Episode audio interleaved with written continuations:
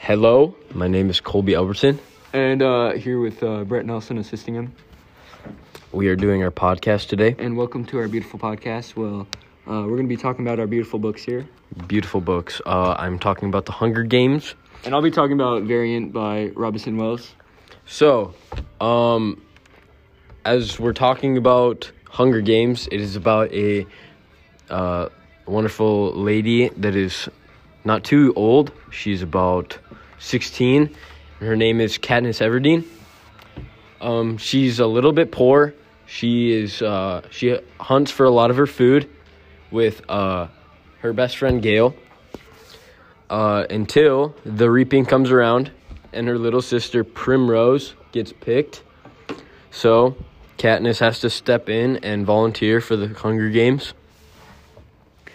Uh, along along with uh, Peeta Mellark, that was a kind person to her while she was very poor and hungry while hunting one time. He gave her a piece of bread.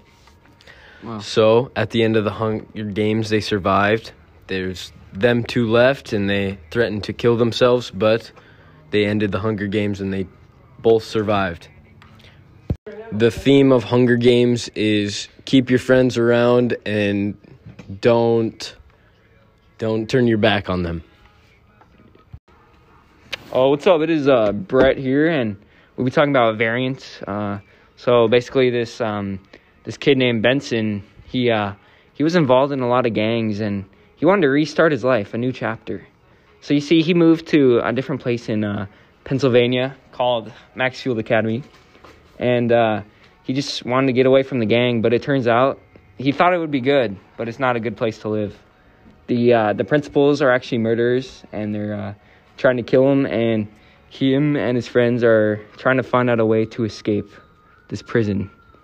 And I think the theme is um, is uh, he really emphasizes the importance of freedom with this character. Uh, Benson, you know, he's a very uh, very smart guy. He he wants to make a plan to kind of get out of the prison. So.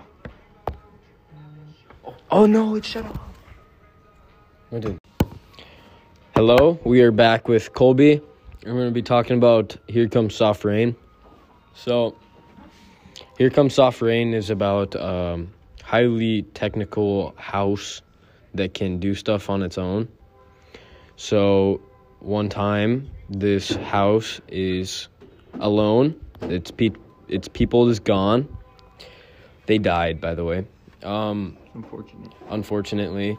Uh, and the house is trying to cook for them and stuff, but the people aren't there. So the house did catch on fire. The oven made a fire and burned the house down.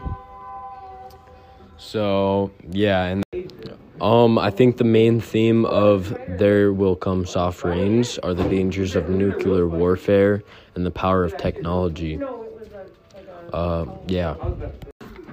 Uh, Brett back here, and I'm gonna be talking about the theme of Dream Dreams Winter. I think the theme is not to lie to people because I'm trying to record a podcast here. Look at that. Dexter was dishonest to a bunch of people, and he was dishonest to himself as well. And success brings a high cost. The man, the man in the forest, he he thought he was gonna be kicked off of his land, but he wasn't. He brought him food and water. So that just shows to be honest to people. And yeah. Here is the ending to our podcast with Colby Albertson. And Brett Nelson, thanks for joining us.